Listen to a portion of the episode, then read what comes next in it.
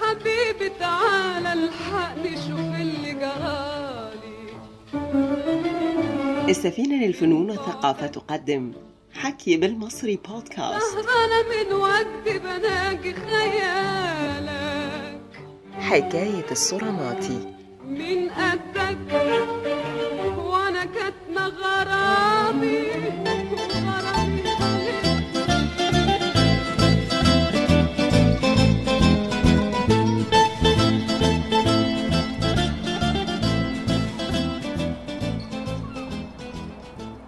هما كانوا اتنين.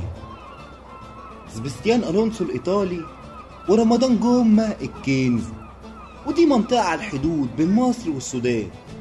ألونسو شاف الويل والمرار لحد ما وصل لثغر اسكندرية. نام في مركب قديم وسط الجاز والزفت والقطران لأنه مهاجر من بلده وجاي مصر بطريقة غير شرعية. رمضان قرصوا الجوع والفقر على حدود السودان. فخدها ماشي على شط النيل لحد ما وصل لاسكندرية لونسو برضو اللي جابه الجوع والفقر والخراب اللي عملته الحرب العالمية التانية في إيطاليا.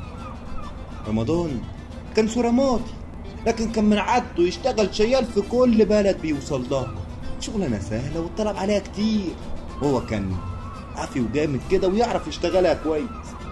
عشان كده أول ما وصل لاسكندرية طلع على طول على المينا يشتغل هناك شيال.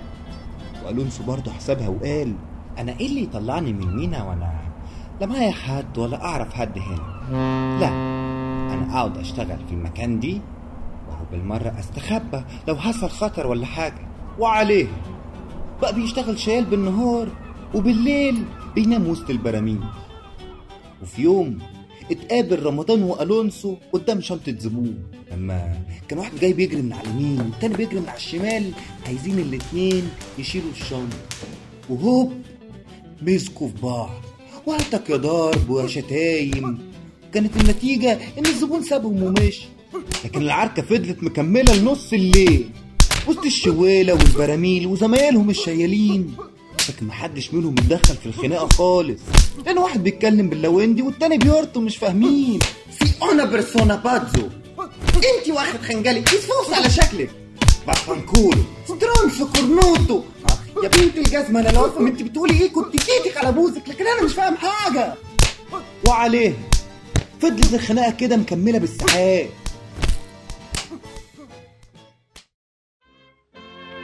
وعدت الأيام اتعلم ألونسو إنه يخرج بره ثغر إسكندرية ده حتى بقى بيسلم على الشاويش والقنبشه اللي بره من غير ما يخاف من حاجة. وسكن في أوضة على السطح في حوش نوار باشا بالطول على جامع أبو العباس على طول.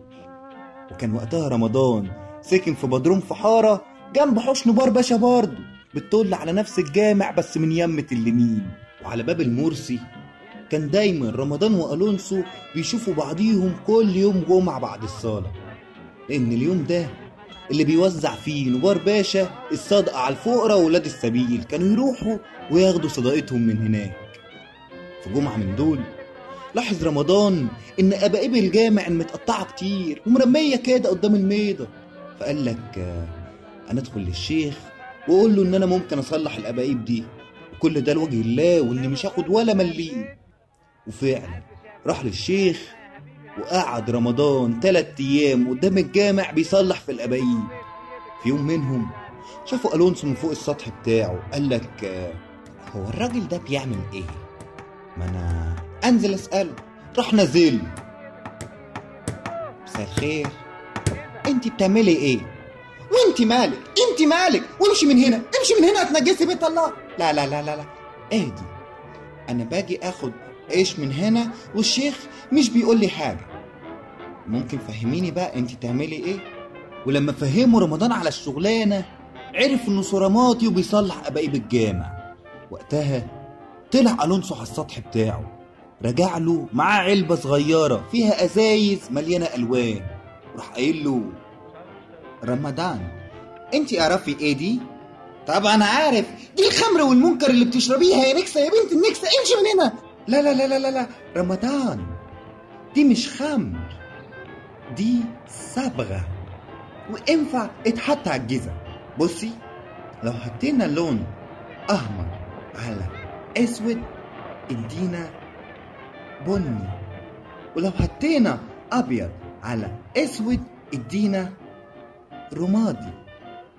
رمضان شاف الاختراع السحري ده انبهر وقعد يضرب كف على كف. وقعد يقول علم ده ولا علم يا رب؟ علم ده ولا علم؟ وقرروا إن هم لازم يشتغلوا مع بعضيهم.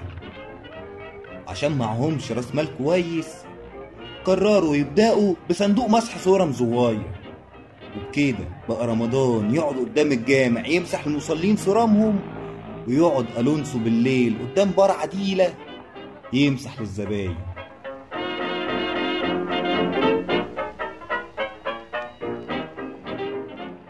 يوم. جه ألونسو رمضان وهو بينهج من الجري راح قايل له رمضان قومي معايا بسرعة. على فين يا ألونسو؟ الست أديلة كعب جزمته اتكسر ولازم حد يصلحه لا دي بترقص بيه وبتغضب ربنا. يا رمضان هي بترقص حافي. الكازمة عاملة طقم مع الفستان اللي هتقابل بيه نوبار باشا. لو مش اتصلح الفستان هيبوظ والمقابلة كلها هتبوظ. per favore رمضان قومي معايا بقى. وروح رمضان مع ألونسو للست عديلة. عيون حبيبي خضري وخضردر وخدود حبيبي حبيبي حمري وحمر. ست عديلة. وفي زي الست عديلة. ست المظات برلانت حر. علمة ومتصيطة من يومها. من ساعة ما اشترت البار بتاع كوستا وسابت البياصة وكل الأعيان والخواجات بيجولها كده ويترموا تحت رجليها راح راح رمضان وقعد يصلح الجزمة للست عديلة. قعد يبص لها من تحت لتحت كده ويقول استغفر الله العظيم ده انت هتروحي جهنم! بتبرطم بتقول إيه يا والا لا لا لا ست عديلة هو مش بيقول حاجة هو بيقول لك آه، بسم الله ما شاء الله على جمالك. يرضيك كده يا ألونسو اللي بيقوله صاحبك ده؟ رمضان صلحي الجزمة وانتي ساكتة خالص.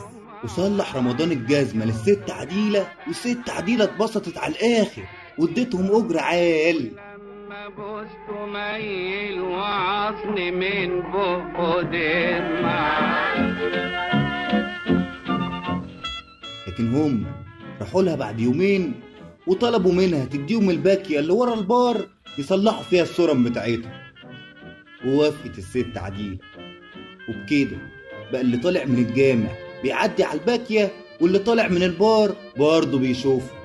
ومشي الحال مع رمضان وألونسو على الآخر والأشياء بقت معدن.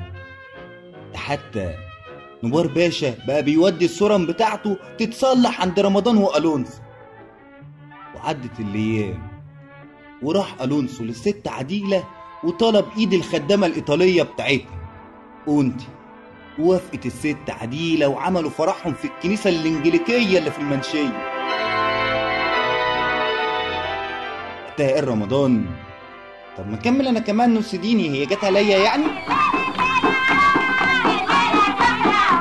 راح واخد بعضه ونزل على بلدهم في حدود السودان.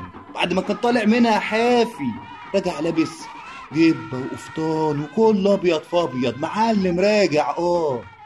ورجع على اسكندرية بعد كام شهر ومعاه مراته النوبية أوجونتي وعاشت أونتي الإيطالية مع أوجونتي النوبية في بيت واحد بيخدموا الست عديلة.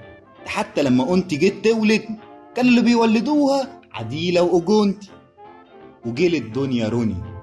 روني سبستيان ألونسو. الواد ده لما كبر شوية كده وعوده شد كان بيلعب مع نديم بيه ابن نوبار باشا قدام باكية الصورم بتاعت أبوه.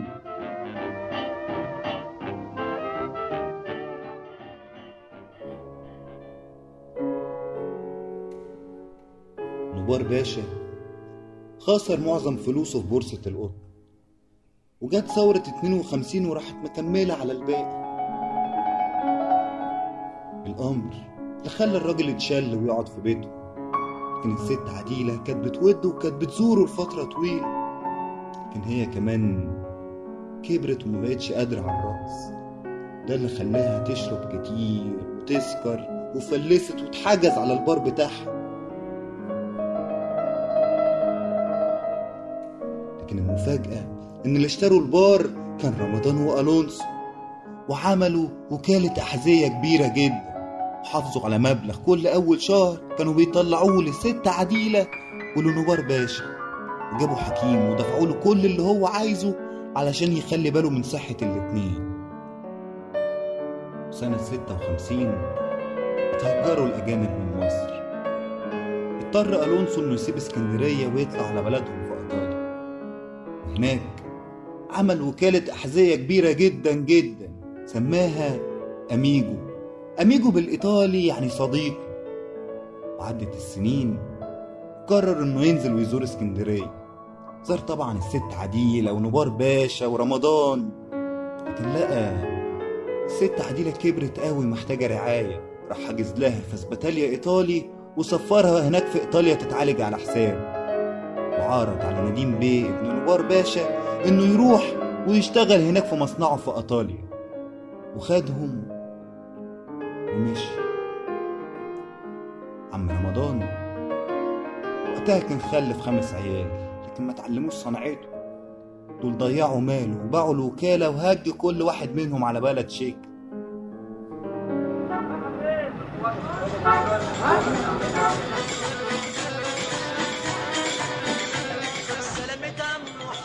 كان مصير عم رمضان إنه رجع لباكية الصورة من جديد. وعلى الباكية كانت متعلقة صور أبيض وأسود. رقاصة وباشا بشنبات وخواجة ببدلة نابليون ست إيطالية وست نوبية وابن الباشا وابن الخواجة وعلامة لشركة كبيرة قوي قوي قوي في إيطاليا. كان دايما عم رمضان يقول للزباين بتوعه إن صاحب الشركة ده كان شريكه زمان لكن هما كانوا بيضحكوا عليه وما كانوش بيصدقوه يقول لهم والله العظيم يا جماعة ده كان شريكي بس ده كان من زمان. يقولوا له كل الزمان ارجع يا زمان يا عم رمضان. صلح الصورة يا عم رمضان. صلح الصورة الله لا يسيك حسن